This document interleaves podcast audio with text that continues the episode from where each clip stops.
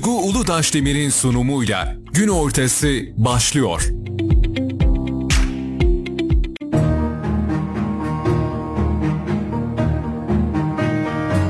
Gün ortası programından herkese merhabalar sevgili izleyenler. Ben Duygu Uludaş Demir. Sevgili izleyenler 6 Şubat'ta yaşanan deprem felaketinde hayatını kaybedenlere Allah'tan rahmet, yaralılara acil şifalar, yakınlarına başsağlığı diliyoruz. Türk milletinin başı sağ olsun. Umut ediyoruz ki bir daha böyle bir felaket yaşamayalım. Bugünkü programımızda Güneydoğu Anadolu bölgesindeki yaşanan 10 ilimizde yaşanan deprem felaketini konuşacağız. Kayseri'de deprem olacak mı? Bunu konuşacağız, değerlendireceğiz ve kiminle? Jeoloji mühendisi Adnan Evsen Bey'le. Adnan Bey programımıza hoş geldiniz. Hoş bulduk. İyi yayınlar diliyorum. Teşekkürler. Nasılsınız? İyi misiniz? Teşekkür ediyorum. Yani mümkün olabildiği kadar iyi olmaya çalışıyoruz ama ne kadar iyiysek tartışılır. Ya zaten Türk toplumu şükürcü bir toplum. Bütün Evet. şartlarda, bütün pozisyonlarda şükretmeyi becerebilen bir topluluk. En çok sevdiğim yönlerden de bir tanesi de bu. Evet. Aslında iyi değiliz ama ağız alışkanlığı iyiyim diyoruz değil Evet, mi? Evet, iyi diyoruz. olmaya Yani çalışıyoruz ama o kadar zor. yani. O kadar acı günlerden geçiyoruz ki bu acının e, tarifi yok, telafisi yok. Yaralar sarılmaya devam ediyor Güneydoğu Anadolu bölgesinde 10 ilimizde ama bu yaraların tam anlamıyla sarılacağını ben düşünmüyorum. Tam anlamıyla kadar büyük olmaz. bir acı Zaten, ki. e, tam anlamıyla bu yaraların sarılacağının imkanı yok. Yani Evet. mümkün değil. Yani bir şeyin e, as- aslı her zaman için asıldır. Yerine vekilde koysanız, fotokopide koysanız, kopyasını da ye- getirip yerleştirseniz hiçbir zaman aslı etmez o. Asıl ayrıdır. Vekil ayrıdır. Yerine getirip koyduğunuz e, onlar daha ayrıdır. Dolayısıyla yani şimdi bu depremde 40 bin civarında vatandaşımız hayatını kaybetti.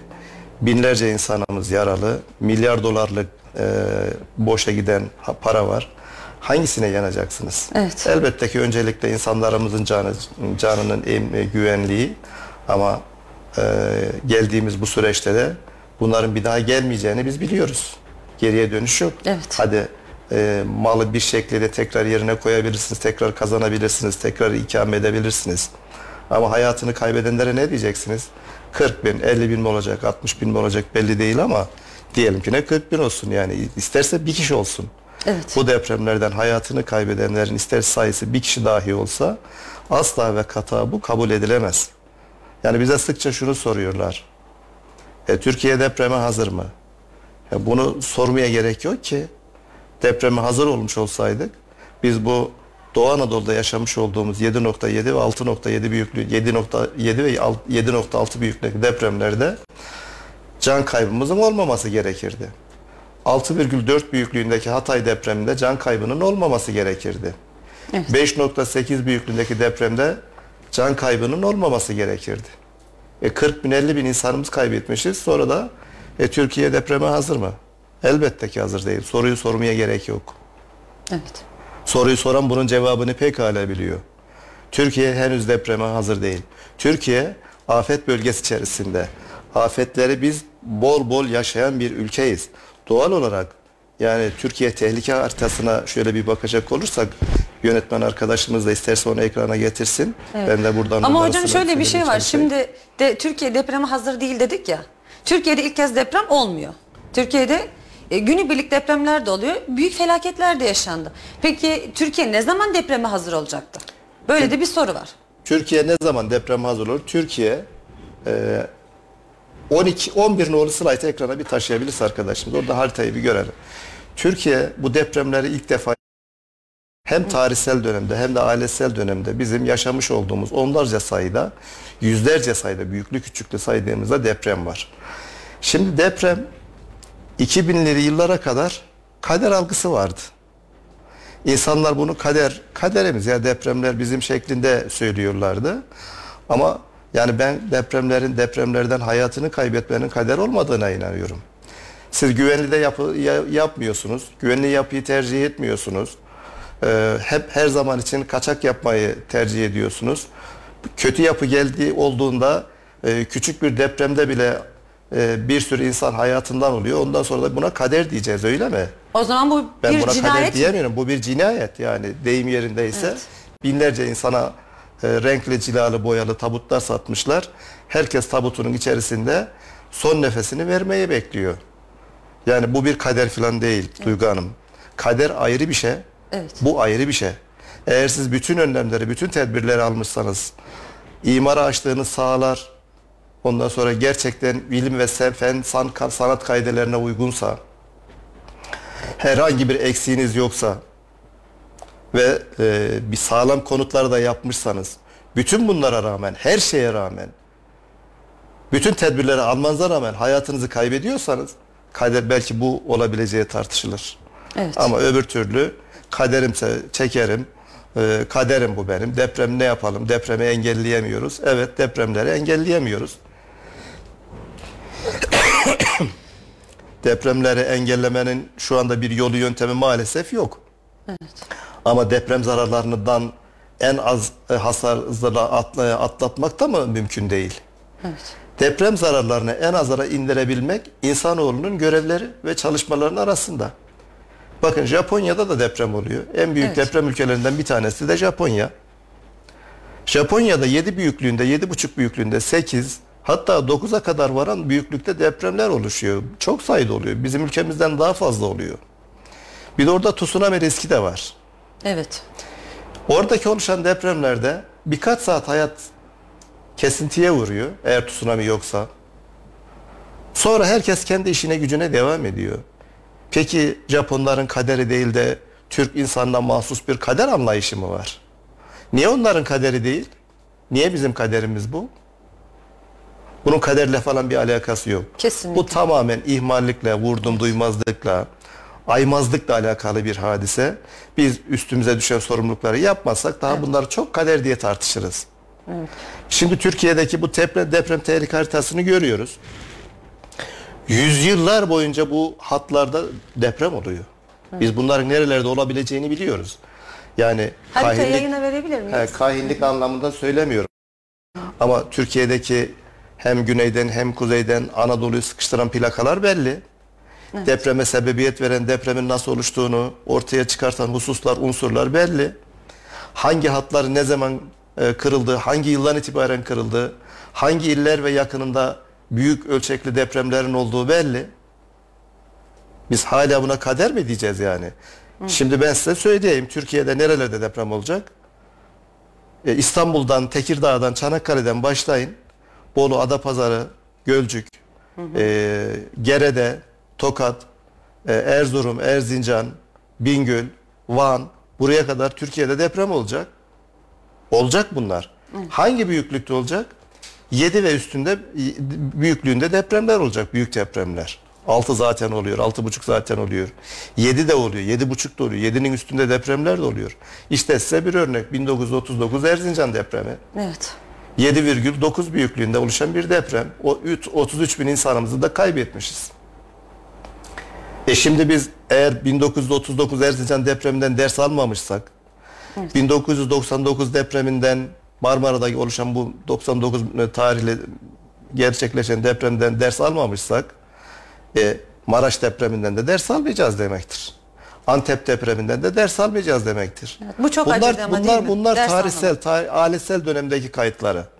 Bir de bunların tarihsel dönemde 1930'lu yıllara kadar biliyorsunuz ki bu depremlerin e, ölçüm biçimleri önce Mercalli şiddet ölçeğiydi. Sonradan bu e, Richter ölçeğine dönüştü. Bizim tarihsel kayıt dediğimiz 1930'lu yıllara kadar olan dönem. Yani size soruyorlardı örnek olsun diye söylüyorum. İşte Van'da şu büyüklüğünde e, Van'da gerçekleşen depremin boyutları ne kadardı? Nereler tahribat oldu? Ölü var mı? Yaralı var mı? Kaç kişi bunların sayısı? Size soruyorlardı. Bana soruyorlardı. Diğerlerine soruyorlardı. Ortada ortalama bir değere göre deprem şiddetini tahmin ediliyordu. Yani bir ölçeklendirme yapılıyordu. Bu ortaya depremin vermiş olduğu hasara göre. Ama bakın 1930'lu yıllardan itibaren Richter ölçeği geliştirildi. Richter ölçeğiyle deprem esnasında depremin olması esnasında en çıkan enerji miktarını hesaplama yöntemiyle geliştirilen bir yöntem oluştu. Bu yönteme Richter deniliyor. Şimdi biz hem Richter yani aletsel dönem hem de tarihsel döneme baktığımızda yüzlerce sayıda deprem var. Evet. Ya bir insan bundan bu kadar acı tecrübeden ders çıkartmaz mı kendisine? Yani maalesef hala biz depreme kader diyoruz. Hala ne yapalım ki diyoruz. Hala depremi durduramayız. Bize biz ne yapalım ki diyoruz. Eğer bu şekilde davranmaya devam edersek takkeyi önümüze koyup kelimizi tartışmadığımız sürece ondan sonra biz bunları tekrar tekrar yaşamaya mecburuz. Evet. Şimdi müteahhitlerle konuşuyoruz biz. İşte ara ara soruyoruz. Hani neden e, bir yıllık daireler yıkıldı? Mesela müteahhit diyor ki ya diyor öyle bir şiddete hangi daire dayansın? Hangi bina dayansın? Tam dayansın ama diyoruz ki arkasındaki bir 10 yıllık 20 yıllık binaya hiçbir şey olmamış.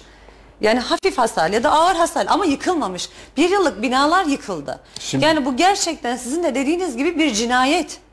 Duygu Hanım, iki tane bina yıkılmış, 10 tanesi etrafında duruyor. Evet. Eskisi de var, yenisi de var. Evet. Yıkılanların arasında eski de var, yeni de var. Şimdi bu cevap mı sizce? Değil. Bu işin bu büyüklükteki bir depreme Evet. bina mı dayanır diye. Bakın bir binayı ya da bina türü yapıların yapılabilmesi için bir kere bir yasal boyutu lazım. Yani teknik şartnamesi gerekir. Yani Türkiye 2000'li yıllara kadar tamam teknik şartnameden bir haberdik. Yani nasıl olsa öyle yapıyorduk. Ama 2099 yılında meydana gelen bu depremden sonra biz yasal mevzuatı hem yasal boşlukları hem me- yönetmelik düzeyinde ciddi anlamda bir iyileştirme oldu. 2007 yılında bir daha yönetmelik değiştirildi ilavelerle birlikte. 2018'de bir kez daha güncellendi. Şu anda bina ve bina türü yapıların inşası esnasında deprem yönetmeliklerine uyduğumuz takdirde ve herhangi bir çalma çırpma söz konusu olmadığı zaman yeteri kadar mühendislik hizmet almış binalarda, yeteri kadar kontrollük hizmet almış binalarda bir sorun olacağını ben sanmıyorum. Bu ister Doğu Anadolu olsun, isterse Kayseri olsun. Doğu Anadolu'da bu Antep merkezli, Maraş merkezli, Adıyaman merkezli gelişen depremlerde oradaki Türkiye deprem tehlike haritası mevcut. Her yerde var. Bu haritadaki etkin yer ivme katsayıları, zemin etüt raporları baz alınarak bir proje geliştirilir. Bunun anlamı şudur. Oradaki etkin yer ivmesine göre geliştirmiş olduğunuz bu proje eğer herhangi bir çalma çırpma hadisesi olmadan yasal mevzuata da uygun yapılırsa sizin o bölgedeki evleriniz o büyüklükte gerçekleşecek olan depremlerde ayakta kalabileceği anlamına gelir. Velev ki yanıldık, şaştık, ondan sonra eksiklerimiz oldu, kusurlarımız, hatalarımız oldu. Bakın bina hasar görse bile ölüm olayı olmaz. 7 büyüklüğündeki, 7.7 büyüklüğündeki bir depremde bu kadar sayıda insan kaybı olmaması gerekir. Biz Kayseri'deki yapılan binalar, Kayseri'deki ve civarında e, fayların bina ve bina türü yapılara ne kadar zarar olabileceği hesaplanarak, etkin yer hesaplanarak, zemin etütleri oluşturularak statik çözümlemeleri buna göre yapılıyor. Eğer siz buna göre yapmaz da kendi bildiğiniz usullere göre de, bina yaparsanız, kaçak bina yaparsanız, kontrolsüz bina yaparsanız, bir mühendislik hizmeti almamış bir bina yaparsanız deprem olmasını beklemeye gerek yok ki. Rüzgardan da yıkılır. Evet. Böyle böyle sallayıp iterseniz ondan da yıkılabilir. Yani bu kadar büyüklükteki deprem olmaya hiç beklemeye gerek yok. Bizim mutlak surette özetle şunu söylemek istiyorum. Nerede bina yapıyorsak yapıyoruz. İster Doğu Anadolu fayına yakın yerlerde, ister Kuzey Anadolu fayına yakın yerlerde. İsterse de Ecemiş fayının yakınında bir bina yapalım. Yasal mevzuata uygun yapı yapmadığımız sürece bunlar yıkılmaya mahkumdur. Dolayısıyla binalar yıkılırsa binalardan kaynaklı olarak da insan ölümleri olacaktır. Şu ana kadar e, Türkiye'de 100 bin diyorduk artık 100 bini değiştireceğiz biz. Evet. 100 bin bu depremde artık artık 40 binde mi kalır 50 bine doğru gider mi bilmiyoruz. Diyelim ki 50 bin olsun. 150 bin insanımız e, Türkiye'deki gelişen bu depremlerden hayatını kaybetti. Peki bu depremlerden kaç kişi depremin fayına maruz kalarak öldü? Bir bilginiz var mı? Hayır. Sanırım yok. Evet. Bir kişi. Bir kişi faya bakarken fayın oluşturduğu o çukurluk oluşuyor orada bir kırık Evet. düzey oluşuyor. O çukurluğa bakarken oraya düştü ve öldü. yani eee 150 bin kişiden bir kişisi depremden doğrudan zarar görerek öldü. Geriye kalan yani 150 bin civarındaki ölümün tamamı kötü yapıdan öldü.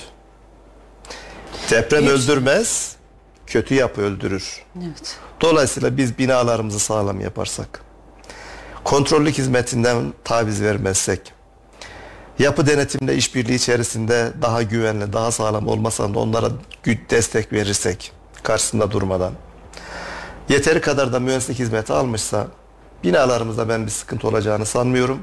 İnsanların da depremden dolayı ölebileceğini de düşünmüyorum. Peki e, hocam biz bunları nasıl analiz edeceğiz? E, müteahhit binalarını yaptı, bloklarına yerleştirdi. Biz ev almaya gidiyoruz, bakacağız. İşte soracağız müteahhite. E, depreme dayanıklı mı eviniz? Evet diyecek. Yani çaldıysa da evet diyecek, çalmadıysa da evet diyeceğiz. Diyecek. Peki biz halk olarak ev alırken neler yapmamız gerekiyor? Nelere dikkat etmemiz gerekiyor? Nasıl anlamalıyız bunu? Yani bir mühendis mi götürmemiz gerekiyor? Bir mimarla mı görüşmemiz gerekiyor? Yoksa yoksa raporlarını mı istememiz gerekiyor? Ya da işte e, rapor istesek bile müteahhit bu raporlara uyuyor mu? Böyle de bir e, soru var tabii ki.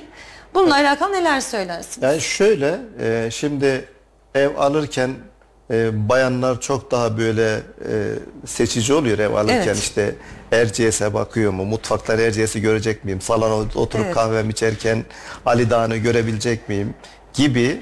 Ondan sonra mutfağım büyük olsun, salonum şu kadar geniş olsun. Duygu Hanım artık bunlardan vazgeçeceğiz. Evet. Evimiz, evimizin salonu Erciyes'i görmezse de görmesin. Ali Dağı'nı görmese de görmesin. Evet. Yani şehir manzarasını görmese de görmesin. Sağlam olsun da. Evet. Yani Çocuklarımızın tür yarını olsun da değil mi? Yani hayatta kalalım. Yaşantımız devam etsin de. Yani Ali Dağ'ını da görmeyelim müsaade edin de yani. O da olmasın. Hayatımızdan eksik olsun Ali Dağ'ı görmemek. Ya da Erciyes'i görmemek. Yani bir bina alırken artık bizim bunlardan, bu tür sorgulardan kurtulup bunun yerine bunun yerine müteahhite işte beyefendi buranın zemin etüt raporları yapıldı mı? Yani mutlak surette yapılıyor. Yani Kayseri'deki belediyeler zemin etüt raporunu yaptırmadan, statik çözümlemesini oluşturmadan herhangi bir bina türü yapının yapılmasına izin vermez. Kontrollük hizmetleri de zaten devam ediyor. Ama e, siz bunu bir kez daha bir kez daha müteahhitten talep ederseniz mahalle baskısı oluşur. Yani bugün siz sordunuz, yarın ben sordum, ertesi gün başka birisi sordu. Müteahhit diyecek ki "Ha, vatandaş artık uyandı. Evet. Bana artık binanın mutfağını, salonunu, antresini sormuyorlar. Bana zemin etüt raporunu soruyorlar. Bana statik çözümlemesini soruyorlar. Bana buradan herhangi bir fayın geçip geçmediğini soruyorlar. Bana burada bir etkin yer ivmesinin bizim binamıza bir deprem anında ne kadar zarar verip vermeyeceğini soruyorlar. O zaman ben de kendime bir çeki düzen vereyim. Neyse üstüne 1 lira da fazla para koyayım öyle yapayım ben bunu diye düşünmesine sevk edebilir. Ha bütün bunlarla birlikte kaçak yapan, ondan sonra bunlardan taviz vermek, maliyetini düşürtmek isteyen olabilir mi? Elbette olabilir. Biz de bir binayı alırken o binanın müteahhitiyle ilgili, o binanın yapı denetimiyle ilgili piyasa sorgusu yapmamız lazım. Yani bir tanıdığımız bir inşaat mühendisi, bir jeoloji mühendisi, bu işlerden anlayan birisi mutlak surette vardır. Sizin direkt olmasa bile tanıdığın tanıdığı olabilir. Birisiyle bir irtibata geçerek o müteahhitle ilgili, yapı denetimle ilgili, oradaki yapılan yapıyla ilgili bir malumat sahibi olarak eğer bir satın alma yaparsak yani şimdikinden çok kat kat üstün özellikler taşıyan seçici e, tarafımız olan bina satın almış olabiliriz. Bununla birlikte her meslek grubunda olduğu gibi adı e, geçen, bu bahsi geçen meslek gruplarında da e, yeteri kadar kontrollük hizmeti vermeyen, maliyeti düşüren hususlar olabilir. Artık bunlarda yapacak bir şey yok. Evet. Peki Adnan Bey bu Kahramanmaraş üssü olmak üzere 12 ilimizde yaşanan deprem neden oldu? Yani yer altında nasıl bir kırılma oldu? Nasıl bir hareketlilik oldu? Bununla alakalı bilgi verir misiniz bize? Şimdi e, dünya zaten sürekli hareket halinde. Ben bir slide söyleyeyim. Arkadaşlarımız da onu ekrana taşısınlar. 8 numaralı slide. E, Duygu Hanım şöyle. Dünya sürekli kurulduğu günden bugüne kadar 13,5 milyar evren 4,5 milyar yıl içerisinde de dünyamız olmak üzere e, bu hareketini devam ettiriyor. Başlangıçta işte yani e, ortaokulda, lisede, coğrafya kitaplarında bunlar bahseder. Dünyanın oluşması, işte ilk başlangıçta toz bulutuydu. Sonradan tamamı denizlerle çevrili. Daha sonra denizler ikiye ayrıldı. E, kara parçası ortaya çıktı. Ve en son 225 milyon yıldan itibaren günümüzdeki şeklini koruyarak dünya bugünkü hareketlerine devam ediyor. Şimdi pardon. Dünyanın yapısına şöyle bir bakacak olursak ateş küre, yer küre diye tanımladığımız ayağımızı bastığımız yerin kalınlığı yaklaşık 100 kilometre ortalama kalınlığı. Evet. Bu 100 kilometre kalınlığının altında e, manto var. Mantonun da bir kısmı sıvı, bir kısmı kısmen sıvı olmak üzere yani bizim ka- karasal kabuğun, okyanusal kabuğun altında yanardağdan çıkan lavların olduğu manto ve mağmanın bir kısmı. Bu şekliyle. Üstünde de karasal ya da denizel kabukların olduğu hareket eden plakalar var.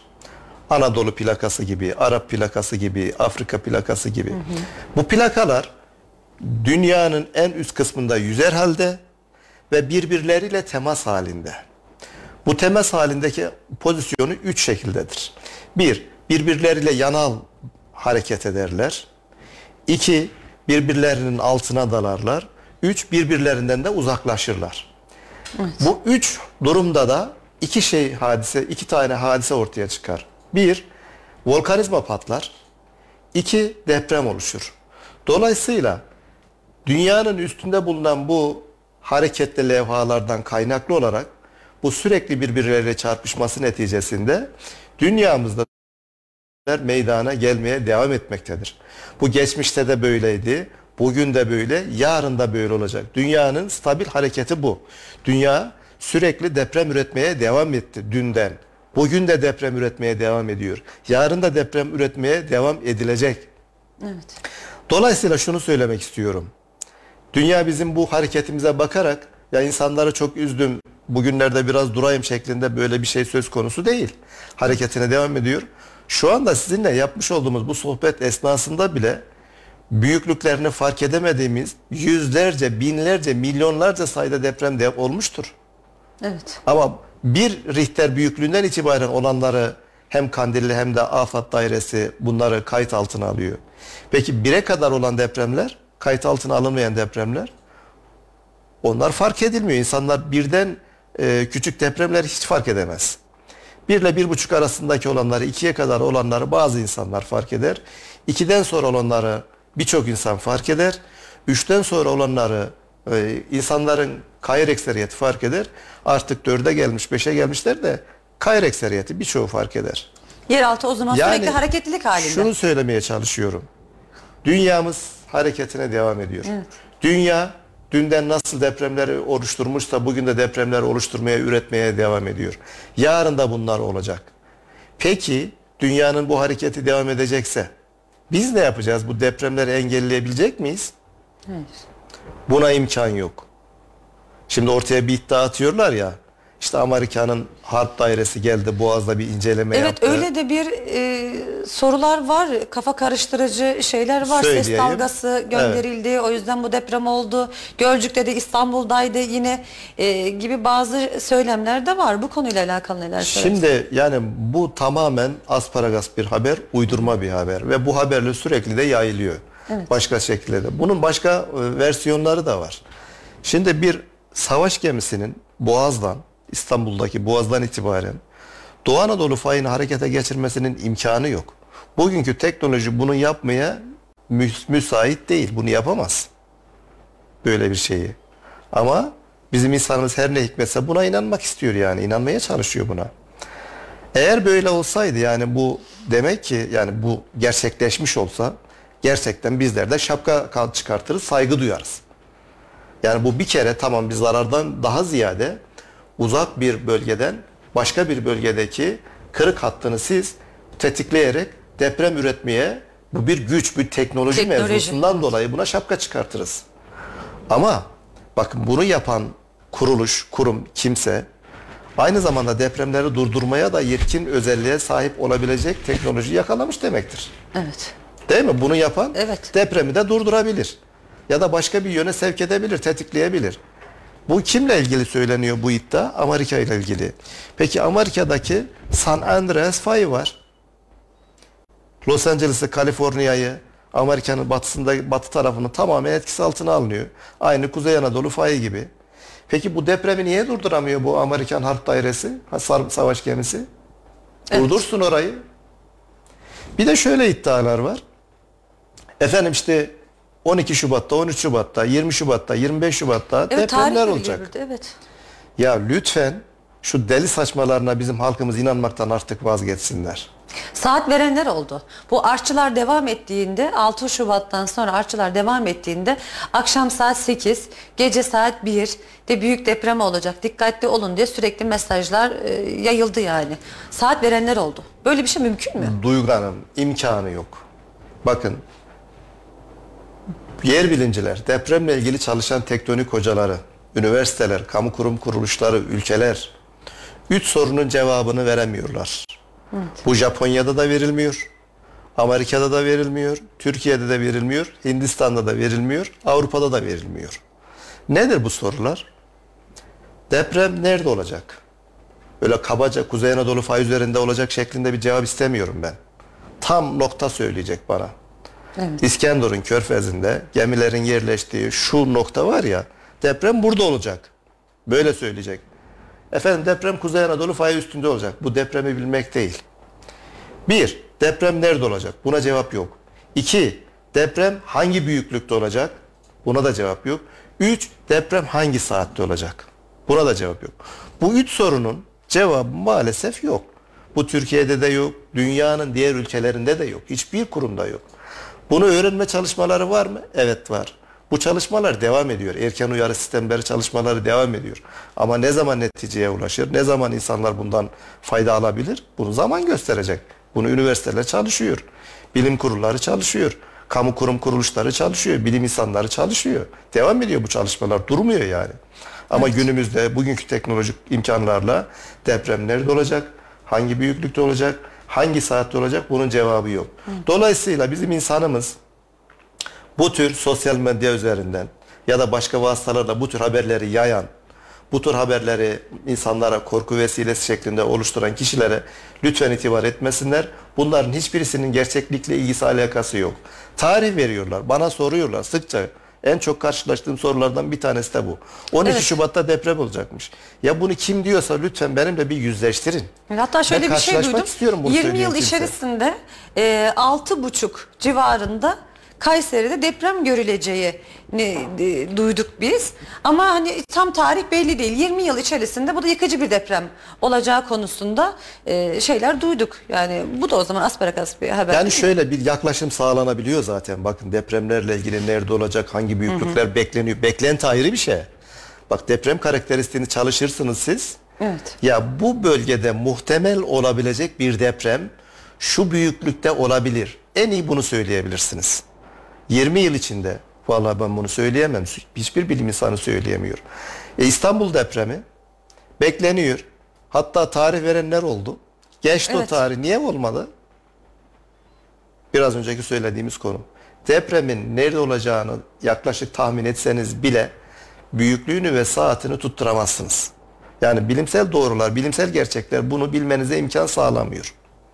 O zaman bu tür asparagas haberlerden uzaklaşıp bilim insanlarının, bilim kurulu insanların, bu konuyla ilgili kurum ve kuruluşların, odaların, meslek odaların çağrıları, önerileri, tavsiyeleri neyse onlara kulak asmak lazım. Evet.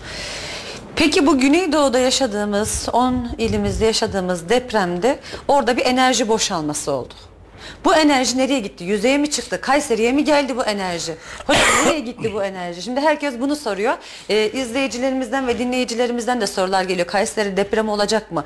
Bu enerjiyi konuştuktan sonra da Kayseri'de deprem olacak mı? Onu konuşalım dilerseniz. Konuşalım. Şöyle e, bir yerde yıllardır biriken bir enerjinin boşalması ancak depremlerle olabiliyor günümüzde. Şimdi en son Pazarcık merkezli ilk deprem gerçekleştiğinde gece 4.17 idi. Gece 4.17'de 7.7 büyüklüğünde deprem gerçekleşti. 9 saat aralıklarla hemen Afşin Elbistan fay üzerindeki deprem gerçekleşti. Şimdi bu depremlerdeki biriken enerji Evet. boşaldı. Bir miktarı boşaldı. Boşaldı derken yani yüzey kırığı oluşturdu. Bu fotoğraflardan, video kayıtlarından, VTR'den, televizyon kameralarından görüyorsunuz ya yüzeyde bir kırık oluşuyor. Evet, bir alan çizgi var. şeklinde gidiyor böyle. Bu yüzey kırığı oluşturduğu yerlerde artık atmosfere karışıyor. Yani enerji açığa çıkıyor. Boşa boşa düşüyor. O serbest hale geçiyor. Onun dışında bazı enerji miktarları da transfer edilir. Nereye transfer edilir bu? Kırılmayan uçlara doğru gider. Enerjinin bir kısmı. Dolayısıyla orada yeniden böyle bir enerji yüklemeye başlar. Bu enerjinin yüklemesi yıllarca devam eder. Kaç yıl devam eder? Her bir depremin, her bir fayın alt segmentlerinin karakteristiği birbirinden farklı. Bakın Doğu Anadolu fayı üzerinde son bin yıllık süreç içerisinde iki yerde sismik boşluk vardı. İki yerde. Bunlardan bir tanesi Bingöl'ün olduğu yerde, bir tanesi Maraş'ın olduğu yerde. Yani bugünkü depremin 6 Şubat'ta gerçekleşen depremin olduğu yerde sismik boşluk vardı. Bilim insanları ve bizler sürekli çağrıda bulunuyorduk. Şunu söylüyorduk biz. Doğu Anadolu fay zonu üzerinde Bingöl'de ve Maraş'a dikkat. İkisinde de deprem olabilir. Bakın saat yok. Evet. Saat yok. Saat söyleyemiyorsun. Tarih veremiyorsun. Böyle bir şey yok. Hangi büyüklükte? Valla 7 ve civarında. 7'nin üzerinde de olabilir. 7'ye yaklaşık bir değer de olabilir. Nerede olacak bu? Bingöl e, genç arasındaki 145 kilometre 95 kilometrelik hatta. Bak ancak bu kadar yaklaşım sağlayabiliyorsunuz. 95 kilometrenin ister birinci kilometresi ister 95. kilometresinde de olabilir bu. Ama bunun nerede olabileceğini söyleyemiyorsunuz. Maraş da öyle. 145 kilometrelik uzunluğunda bir hattı, segmenti. Oraya da dikkat çekiliyordu. Ama ondan sonra e, Maraş'ta kırıldı. Bakın en son kırılma ne zaman oldu? 1513. Ne zaman? Osmanlı zamanında. Bakın 1513 yılından günümüze kadar 2023 yılına kadar yaklaşık 500 yıllık, 520 yıllık bir süreç. 510 yıllık bir süreç. 510 yıldır bu fay kırılmıyordu. Ne yapıyordu peki? 510 yıldır orada enerji biriktirdi. Nasıl biriktiriyor? Oradaki Maraş segmenti ile diğer tetiklemiş olduğu Anadolu segmenti birbiriyle sürekli sürtünüyor. Şöyle. Bu sürtünmenin neticesinde 500 yıl bu devam etti bu. Biliyorsunuz ki bu Kuzey Anadolu fayı, Doğu Anadolu fayı, Orta Anadolu fay zonundan kaynaklı olarak Türkiye kuzey-güney doğrultusunda kuzey-güney doğrultusunda şurada haritamız varsa hemen ben yardımcı olayım. Sizlere sunayım. Evet. Evet. Bunların numarasına da bakayım. Ee, 9 nolu slaytı ekrana bir taşırsa arkadaşlarımız bu kuzey-güney doğrultusu boyunca e, bir santimetre alıyor yılda. Evet. Yılda bir santimetre daralma var kuzey-güney doğrusu boyunca. Bu sıkıştırmanın sıkıştırmanın etkisiyle de Yunanistan'a doğru, batıya doğru da yılda iki buçuk santimetre kayma var. Yani Anadolu plakası yerinden kalkıyor. Ya kalkıyor derken böyle ayağa kalkacak böyle bir şey almasın. Anadolu plakası alttaki sıvı mayenin üzerinde Yunanistan'a doğru yılda iki buçuk santimetre gidiyoruz. Kuzey güney doğrultusunda da bir santimetre daralıyoruz. Şimdi biz senede bir santimetre daralma. 510 sene 510 çarpı 1 ne yapar? Evet. Evet 5 metre 10 santimetre bir daralma. Peki şeylerde ne çıktı? Maraş depremi kırıldıktan sonra atım miktarını ne açıkladı AFAD? 7.30 santimetre. Demek ki beklenenden daha fazla bir atım gerçekleşti. 7 metre 30 santimetre. Şunu söylemeye çalışıyorum. Dün depremler vardı. 1500'lü yıllarda vardı. Oluyordu. Canımıza kast ediyordu. Bizler öldürüyordu. Ama şeyde de var. e, bugün de var. Bak 2023 yılında Maraş'ta deprem oldu. 1513'te de olmuş. Evet. Bundan sonraki yıllarda da olacak. Kayseri'de deprem. E, Kayseri'de de deprem oldu. Evet. Hem aletsel dönemde hem de tarihsel dönemde. Tarihsel dönemde onlarca sayıda kayıt var. Ama bizim elimizde e, gerçek anlamda 3 tane kaydı var. 1205, 1717, 1835 olmak üzere 7 şiddetinde bakın şimdi şiddetle büyüklüğü karıştırmayacağız. Şiddet yüzey gözlemlerine göre yapmış olduğu hasara göre olan bir tanımlamaydı. Mercalli tarafından geliştirilen ama büyüklük öyle değil. Büyüklük enerji miktarının hesabına dayanan bir yöntem.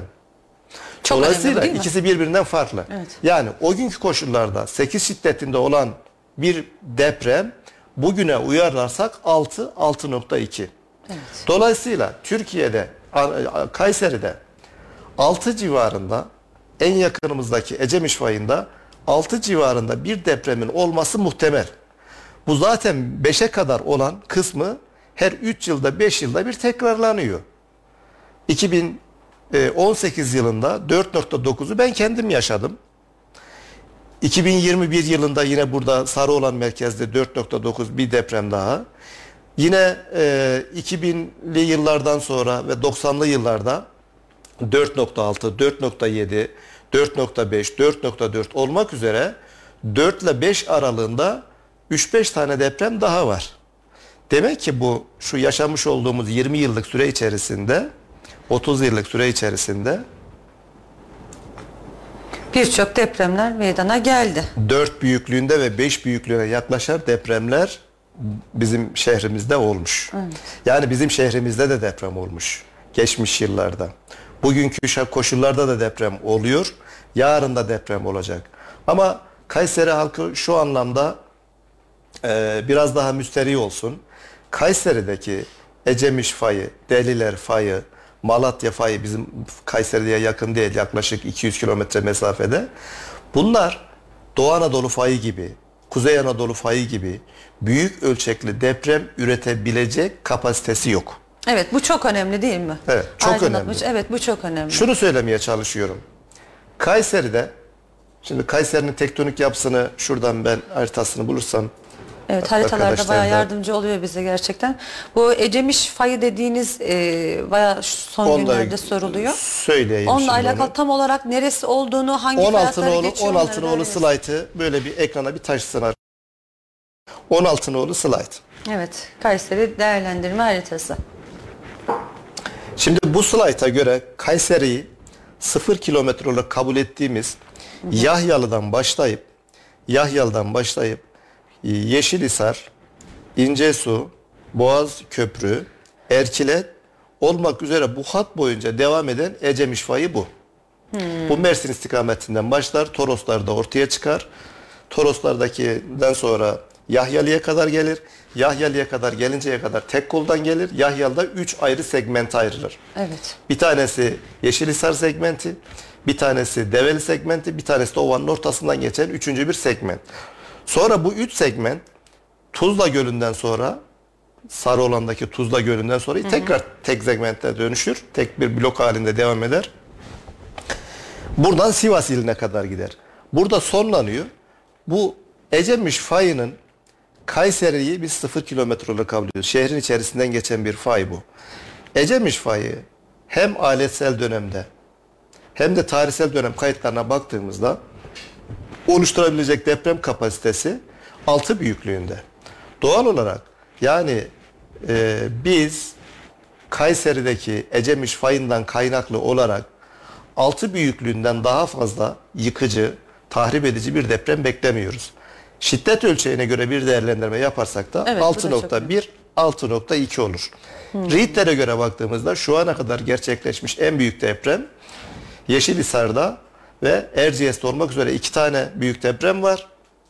Aletsel dönemde 1940 yılında bir tanesi 5.2 öbürü 5.3.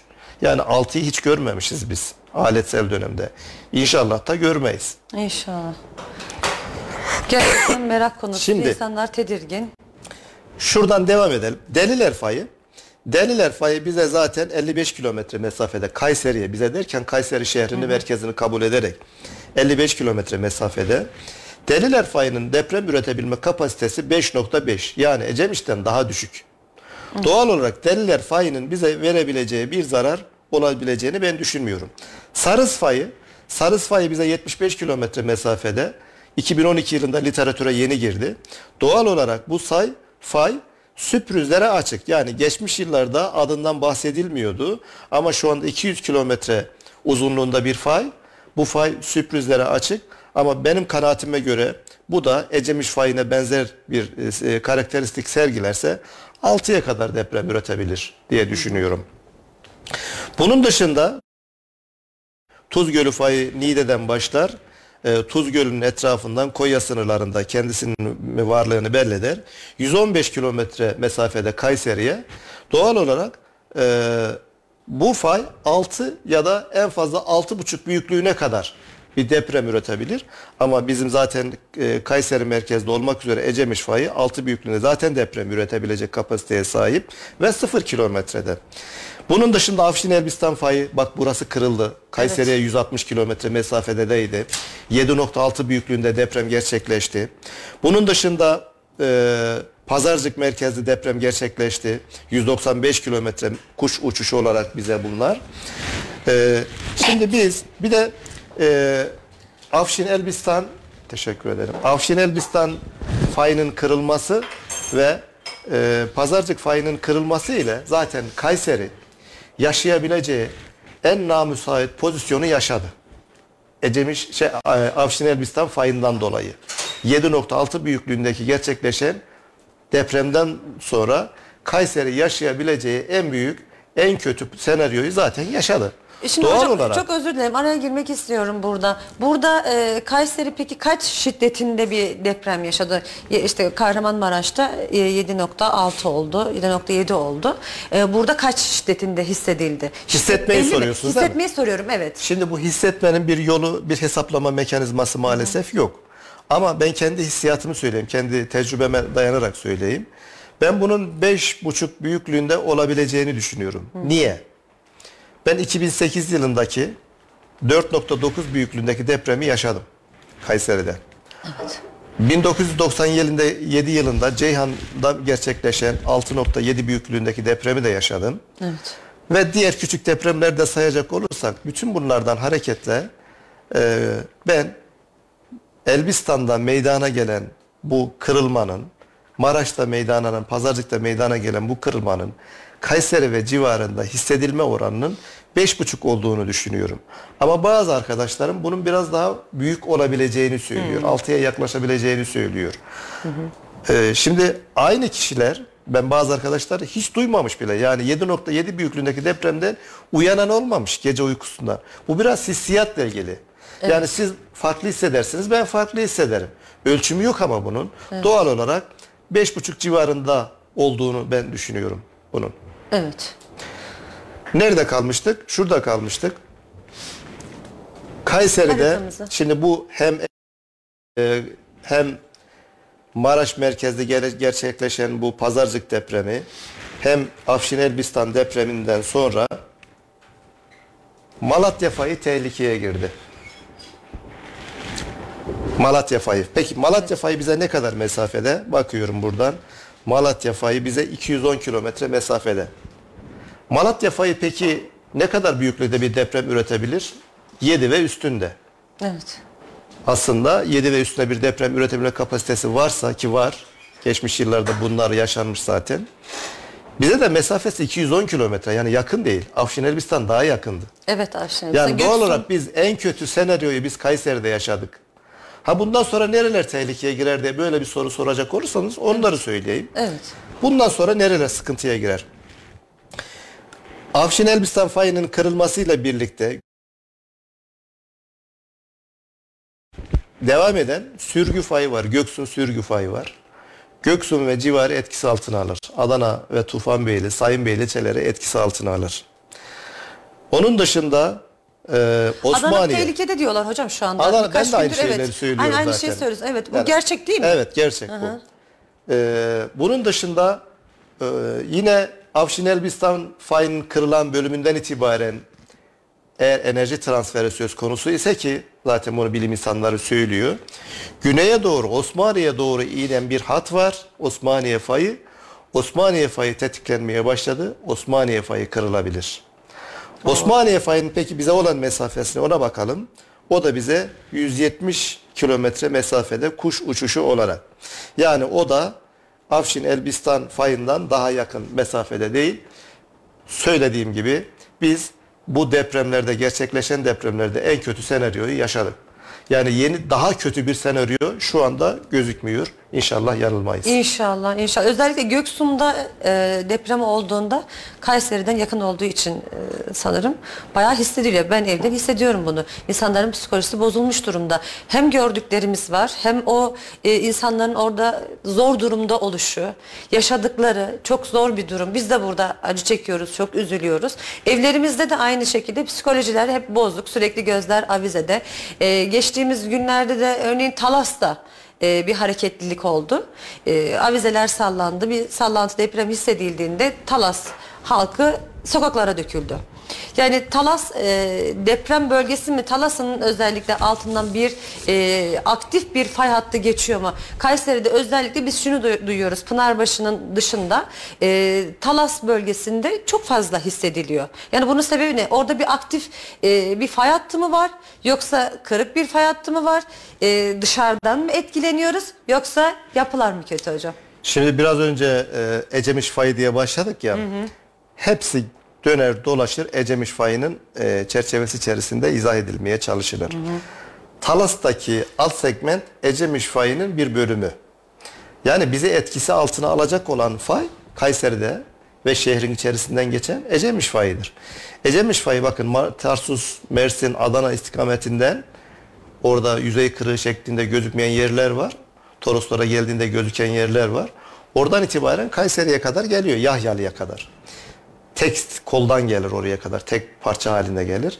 Yahyalı'da segmentlere ayrılıyor. Alt bölüm. Segment dediğimiz bizim alt bölüm. Belki izleyicilerimiz merak edebilir ne demek istiyor diye. Evet. Üç tane alt segment ayrılır. Bunlardan bir tanesi Yeşilhisar tarafından. Yahyalı, Yeşilhisar, İncesu, Boğaz Köprü, Erkilet, e, Sarıolan'a doğru, Tuzgölü'ne doğru devam eder. Bir tanesi bu. Bir tanesi Yahyalı'dan itibaren ovanın ortasından, Develi Yeşil, Yeşilhisar Ovası'nın ortasından e, Kayseri'ye doğru gelir. Kayseri'nin içerisinden, şehrin içerisinden Sarıolan'a doğru hareket eder. e, devam eder. Bir başkası da e, Yahyalı, Develi istikametinden Erciyes'in, Tekir tesislerinin olduğu yerden devam eder. Talas, Talas'ın üzerinden Sarıolan'a doğru 3 ayrı koldan olan kısım Tuzla Gölü'nü geçtikten sonra tek kola biner. Evet. Yani Ecemiş fayı Yahyal'dan itibaren Erciyes arkasından e, Talas'a kadar tek koldan geliyor ama Talas'ta artık e, çatallanıyor orada. Yani alt segmentler parça parça bölük parçalanıyor. Yani doğal olarak Talas'ta e, Ecemiş fayının alt segmentleri var. Fay aktif bir fay. Zaten sürekli de kırılıyor. Zaman zaman da kırılıyor. Peki biz bundan korkmam, korkmamız mı gerekiyor? Evet, Yani önemli. bu fay ne yapar bize ki? Evet. Şöyle cevaplayalım. Yani can kaybı olur mu, yıkım olur mu, insanlar dışarı çıkıyor korku içerisindeler, eve mi güvenmiyorlar yoksa değil mi sarsıntıya mı daha büyük şiddette olur mu diye insanlar sürekli korku ve tedirginlik Evet. içerisinde. Şimdi Türkiye'deki biraz önce bahsettik e, 2000 yılına kadar depremle ilgili mevzular kısmen ya da çoğunlukla böyle kader algısı içerisinde anlaşılıyordu. Ama 2000'den bugüne kadar yani Türkiye'nin mesafe olarak kat ettiği mevzuat, yasal ve uygulama anlamında ciddi kazanımları oldu. Bununla birlikte hala böyle bazı yerlerde kaçak göçek var mı? Kontrolsüzlük var mı? Var tabii ki. Eğer siz Kayseri'de, Talas özelinde konuşalım isterseniz. Talas'ta e, yasal mevzuatlara uygun, deprem yönetmeliğine uygun, zemin etüt raporlarını yapılmışsa, mühendislik hizmetini yeteri kadar almışsa, statik çözümlemeler buna göre yapılmışsa, e, müteahhiti ondan sonra herhangi böyle bir kaçak göçek işleme tabi tutmadan bütün e, yasal mevzuata uygun bir şekilde binasını yapmışsa, kontroller de buna uygun olarak yapılmışsa korkmaya hiç gerek yok. Hiç korkuya gerek yok. Bizim binamız Ecemiş fayından kaynaklı olarak 6 büyüklüğünde maksimum 6 büyüklüğünde gerçekleşecek depremlerde ayakta kalabilecek sağlamlıkta bir binadır. Zaten binalar buna göre yapılır. Zemin etüt raporları niye yapılıyor? Durup dururken. Evet. Etkin yer kat sayısı niye hesaplanıyor? Buna göre işte. Yani olası bir depremde olabilecek maksimum büyüklükteki bir depremde binanın ayakta kalması hedeflenir. Doğal olarak eğer yeteri kadar mühendislik hizmet almış bir binamız varsa, yeteri kadar kontrolleri yapılmış bir binamız varsa, yasal mevzuatlar uygun olarak yapılmışsa hiç korkmaya gerek yok. Ama bina kötüyse deprem olmaya, onun olmasını beklemeye zaten gerek yok ki. Diğer zamanlarda da yıkılabilir. Direk desen direk yok, kolon desen kolon yok, kiriş desen kiriş yok. Kolonları kesmiş, mağazaya çevirmiş, dükkanı büyütmüş, direkt kalmamış ortada. Düğün salonu yapmış ya da market yapmış. Yani deprem olması niye bekliyorsunuz ki? Siz deprem aslında olmuş orada. Yıkılacak günü bekliyor. Tabutun içerisine konacağı günü bekliyor. Evet. Doğal olarak. Yani ister Talas'ta olsun, ister Koca Sinan'da olsun, ister İncesu'da olsun, isterse Kayseri'nin değişik mahallelerinde olsun. Yeteri kadar mühendislik hizmeti almış, son yıllarda yapılan binalardan hiçbir problem olmayacağını söyleyebilirim. Evet. Bir de şu çok soruluyor. Hacılar e, ve Erkilet bölgesi orası daha kayalık.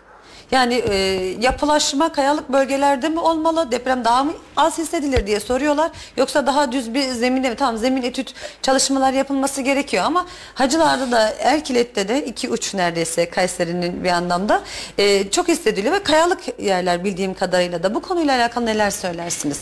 Ee, şunu söyleyebilirim yani bir depremden bağımsız olarak bir fay zonundan bağımsız olarak konuşalım. Ondan sonra fay varsa fay yoksa konuşalım.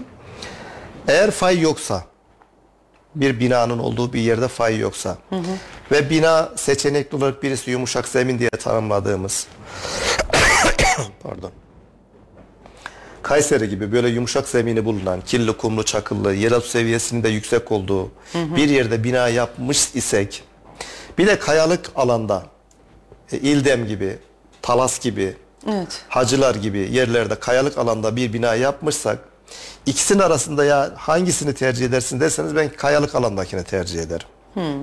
Niye? Çünkü deprem dalgaları oluşurken deprem oluşurken bunlar yer içerisine e, yer küre içerisine dalgalar gönderir. Biz bunlara P dalgaları, S dalgaları, Rayleigh dalgaları ve low dalgaları diyoruz. Yani bunlar teknik.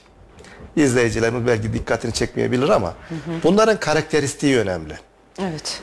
Ee, P dalgaları bunlar ilk deprem anında ilk önce sismografa gelen dalgalar bunlar. Düz ilerler bunlar Duygu Hanım. Düz ilerler. S dalgaları şöyle elimize bir ip alalım. ipi salladığımı düşünelim. Şöyle sallayalım ipi. S dalgaları böyle yukarı aşağı hareket ederek ilerler. Sizin bunun bu, bu yukarı aşağı hareket eden yerde bir bina varsa o binanın pozisyonunu düşünün. Evet. Nasıl ayakta kalır? Bir de low dalgalar var. O da böyle. İpi böyle sallayalım elimizde. Böyle dal. Yani bir bu tarafa bir bu tarafa, bir bu tarafa bir bu tarafa gider.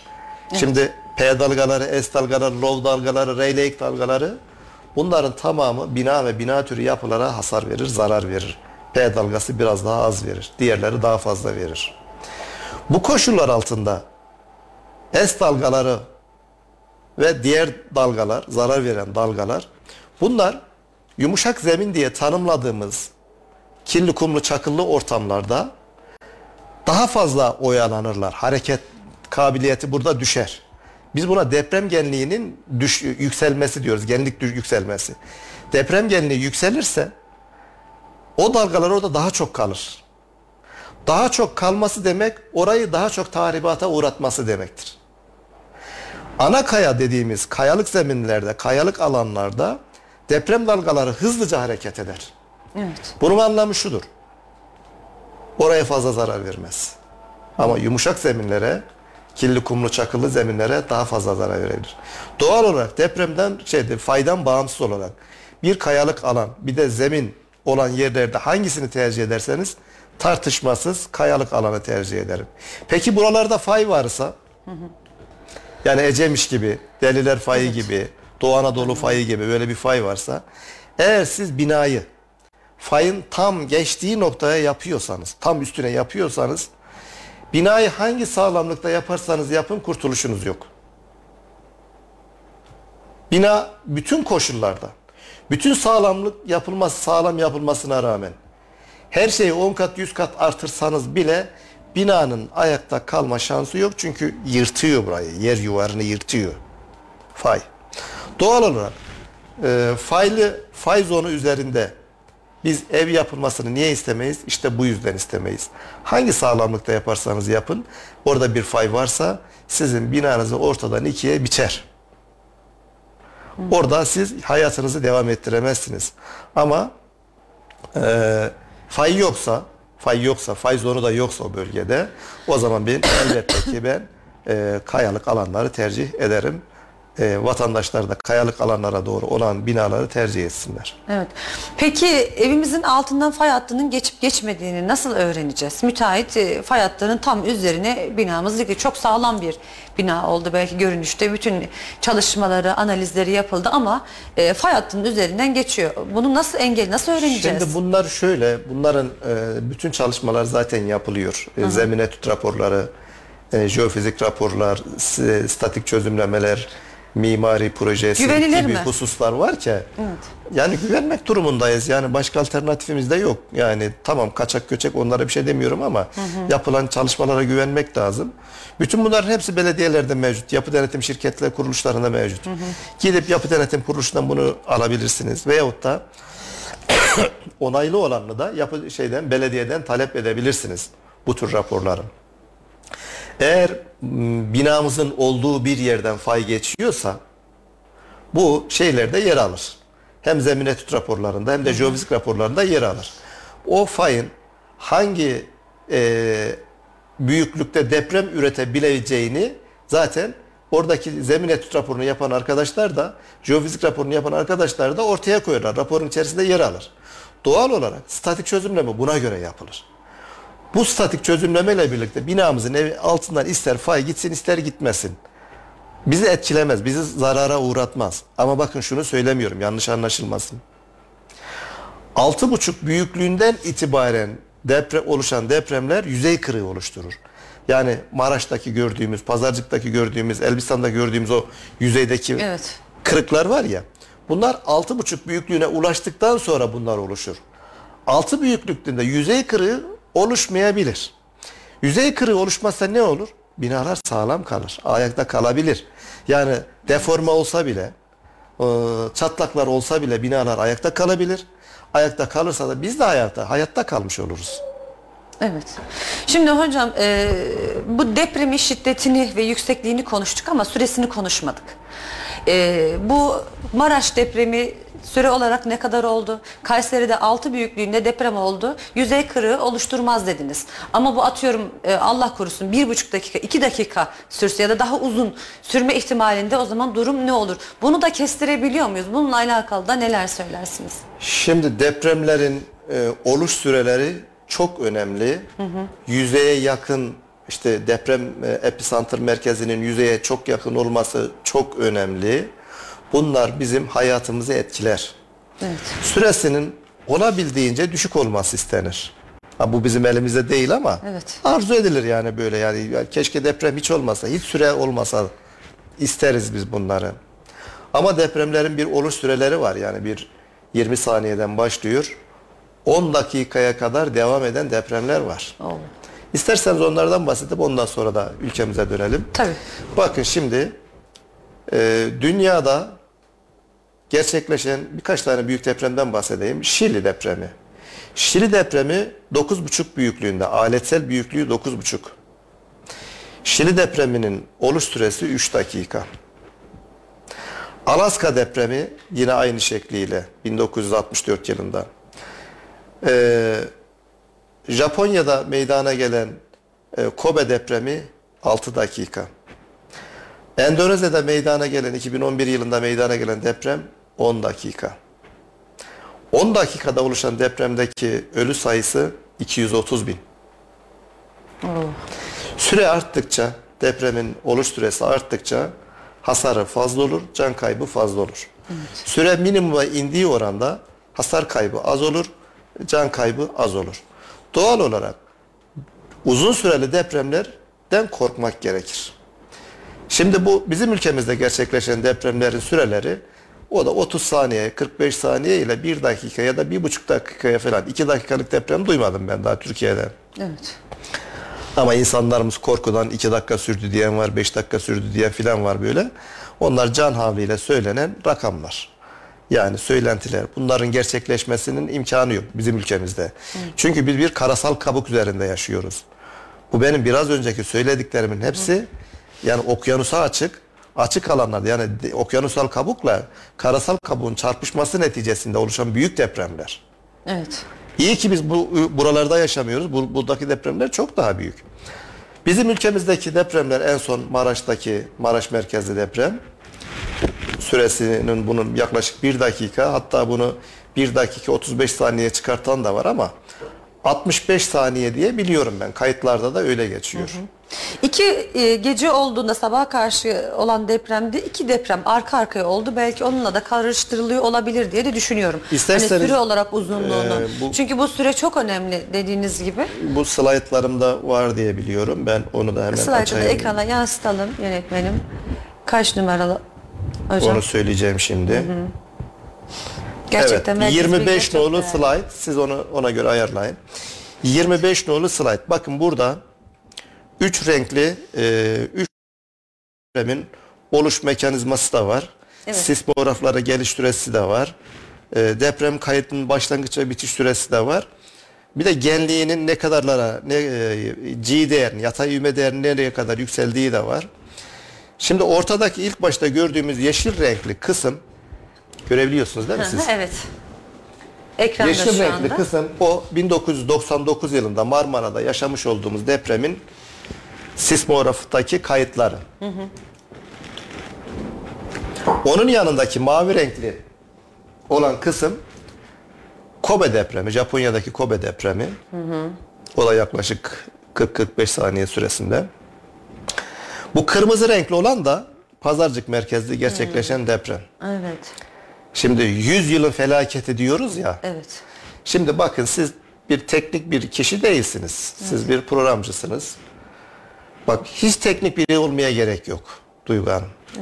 Şu ekrandaki görmüş olduğumuz Ortada her şey. değer ortada. bile yani bir mühendis olmaya gerek duymadan, bir bilim insanı olmaya gerek duymadan Evet. hangi depremin daha büyük ve yıkıcı olduğunu göstermeye yeter de artar bile. Hiç tartışma bile götürmez. Yani Pazarcık'ta, Maraş'ta meydana gelen depremin büyüklüğü ve biz insanoğluna yapmış olduğu hasarı ne Kocaeli'deki depremde gördük biz ne de başka ülkeler bu depremi bizim gibi yaşadı. Bakın diyor ki orada bir çıkan etkin yer ivmesinde aynı grafiğe arkadaşım bir gelebilirse bir G'nin ivmesi. üzerine çıkıyorsa artık yer çekim ivmesinden kurtuluyor. Yani uzayda gibi olur. Zıplar. Bir G'nin üzerine çıkmış Maraş depremi. Doğal olarak bu Maraş'taki meydana gelen bu deprem gerçekten çok yıkıcı, tahrip edici boyutta ve büyüklükte. 100 yılın fa- felaketi diye tanımlamalar yanlış tanımlama değil, doğru tanımlama. Evet, Rabbim bir daha göstermesin. Göstermez inşallah. İnşallah. Kayseri'deki depremi de yine değerlendirecek olursak Kayseri halkı çok merak ediyor ve çok fazla soru geliyor. Ee, hocam bununla alakalı e, son olarak neler söylemek istersiniz Kayseri noktasında toparlayacak olursak? Şimdi ben e, bu Maraş merkezli meydana gelen depremleri e, inceledikten sonra ya acaba Kayseri'de de deprem meydana gelmiş mi diye kayıtlara baktım. Hem Kandilli Rasathanesi'nin Evet. hem de AFAD'ın kendi sitesine baktığımda e, gördüm ki Kayseri'de de deprem meydana gelmiş. Zaten e, biraz önce yine söyledim. Sürekli depremler oluyor. Durmuyor yani. Dünya durmuyor. Kabuktaki hareketlilik devam ediyor. Dolayısıyla depremler de olmaya devam ediyor. Bu 6 Şubat'taki Maraş depremlerinden önce de var. Daha sonraki süreçte de var. Hemen şuradan ben slaytımı açayım. 22 nolu slaytı ekrana bir taşıyabilirsek. Şimdi 6 Şubat'ta o gece pazarcık depremi oldu ya. Evet. Hemen ondan aynı gün içerisinde e, saat 12.30 civarında 12.30 civarında Kayseri'de Karpuz Sekisi'nde 3.1 büyüklüğünde deprem meydana gelmiş. Karpuz Sekisi'ndeki deprem e, yani Ecemiş fayının alt segmenti. Yani Ecemiş fayının üretmiş olduğu bir deprem bu. Onun dışında bir, te, bir deprem daha oluşmuş Kayseri'de. E, bu da Boğaz Köprü'de oluşmuş. Bu da yine e, 8 Şubat'ta gece 23.07'de. Bunun büyüklüğü ne kadar? Bu da 3.5 büyüklüğünde ve 5.0 kilometre derinliğinde gerçekleşmiş. Şimdi her iki deprem de bundan sonra başka depremler de var. Bu, ben bu kayıtlar aldıktan sonra da oluşan depremler Evet. de var. Hem bakın Maraş Pazarcık'ta gerçekleşen depremden e, saatler sonra hem de e, Afşin Elbistan depreminden sonra olmak üzere bunun öncesi de var. Yani bundan kayıtlara baktığımızda da bunları görebileceğiz biz. Kayseri'de de depremler olmaya dün de devam etmiş. Bugün de devam ediyor. Yarın da devam edecek. Kayseri diğer şehirlerden, ülkelerden ve dünyadan bağımsız değil. Ama bir tek farkımız var bizim. Bir Kayseri'de bizi etkisi altına alacak olan fay en yakın şehrimizin içerisinden geçen fay Ecemiş fayı. Ecemiş fayının deprem üretebilme kapasitesi altın büyüklüğünde. Bu sevindirici bir husus. Eğer Kayseri'de altı büyüklüğünde bir deprem meydana gelirse bu yüzey kırığı oluşturmaz. Yüzey kırıştırığı, kırığı oluşturmazsa Yıkım olmaz. yıkım olmaz. Bina zarar görebilir. Onu bina zarar görmez anlamda söylemiyorum. Bina zarar görebilir ama ayakta kalır. Ayakta kalırsa da ölüm olayları neredeyse minimuma yaklaşabilir. Bu Kayseriler açısından sevindirici bir haber, sevindirici bir durum. Ama bu bizim insanımızı lütfen rehavete de sevk etmesin. Deprem öncesi neler yapmamız gerekiyorsa ona yapmaya devam. Deprem anında ne yapmamız gerekiyorsa ona devam. Depremden sonra da ne yapmamız gerekiyorsa da onu yapmaya devam etmeliyiz. Mutlak surette imarlı alanlardan ev almalıyız. Oralarda yaşamalıyız. Kendi başımıza kendi bildiğimiz yöntemlerle ev yapmaktan artık gece kondu yapmaktan, tabut yapmaktan vazgeçelim. Evet. Bu çok Yapmış olduğumuz binalar bizim tabutumuz.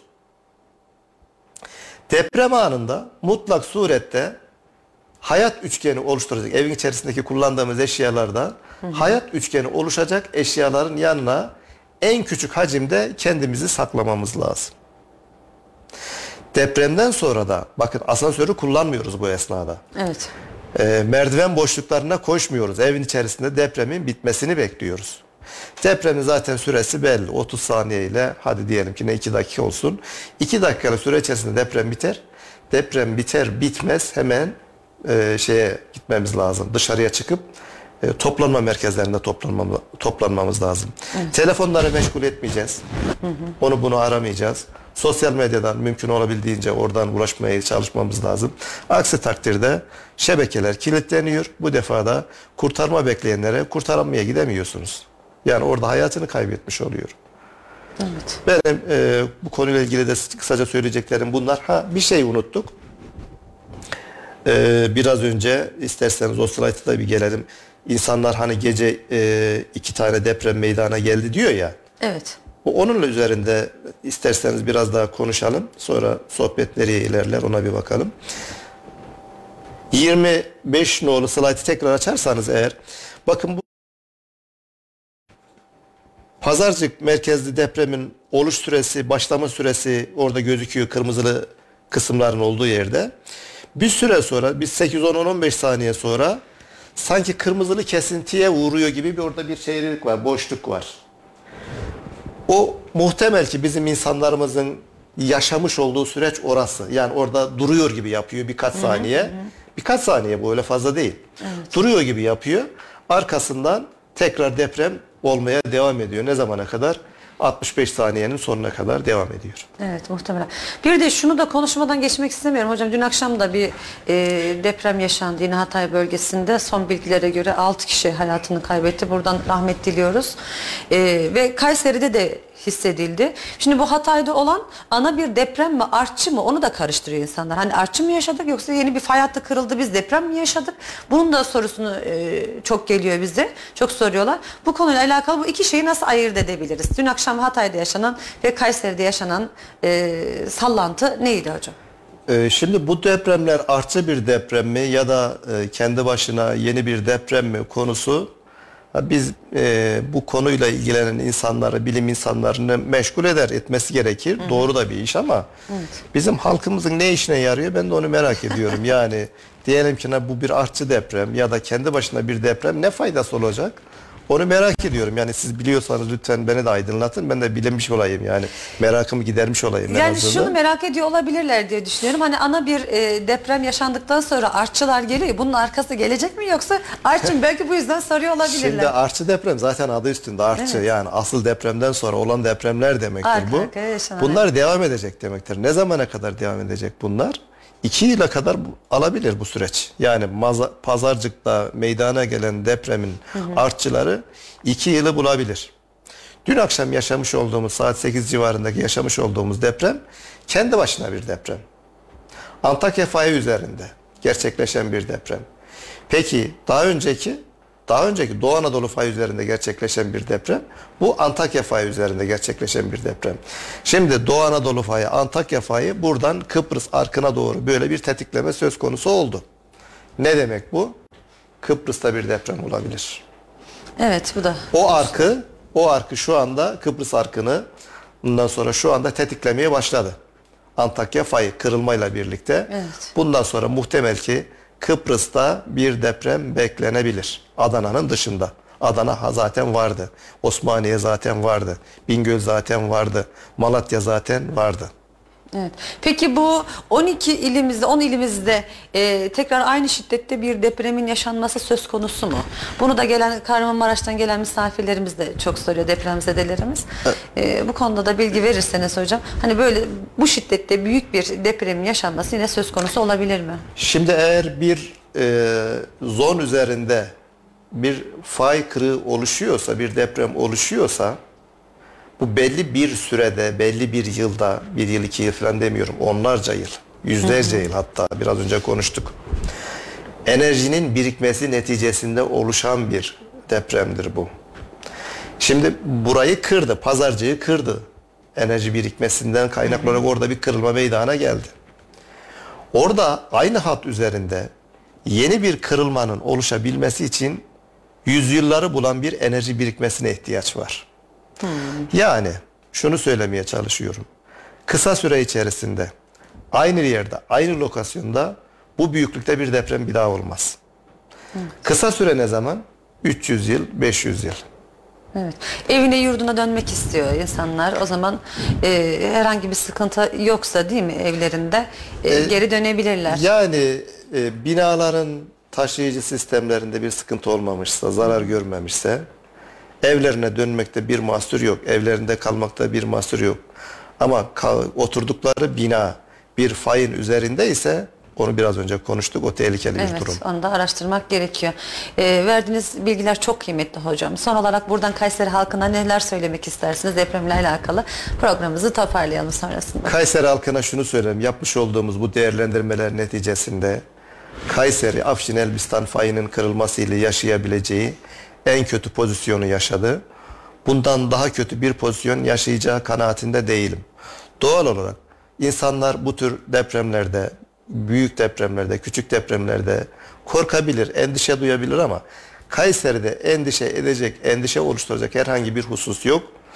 Binaları sağlamsa, taşıyıcı sistemlerinde bir sorun yoksa evlerinde kalmalarında hiçbir sıkıntı yok. Evet. Program konumuz olduğunuz için çok teşekkür ediyoruz Adnan hocam. Çok sağ olun. Ben Verdiğiniz bilgiler teşekkür gerçekten ediyorum. çok kıymetliydi. Umarım faydalı bir program olmuştur. İnşallah. Ee, sevgili izleyenler programımızın sonuna geldik. Jeoloji mühendisi Adnan Efsen Bey bizlerle birlikte oldu. Depremi konuştuk, deprem felaketini konuştuk. Kayseri'de e, depremi konuştuk.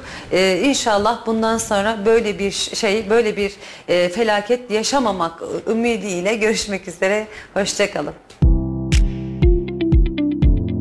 Duygu Uludaş Demir'in sunumuyla gün ortası sona erdi.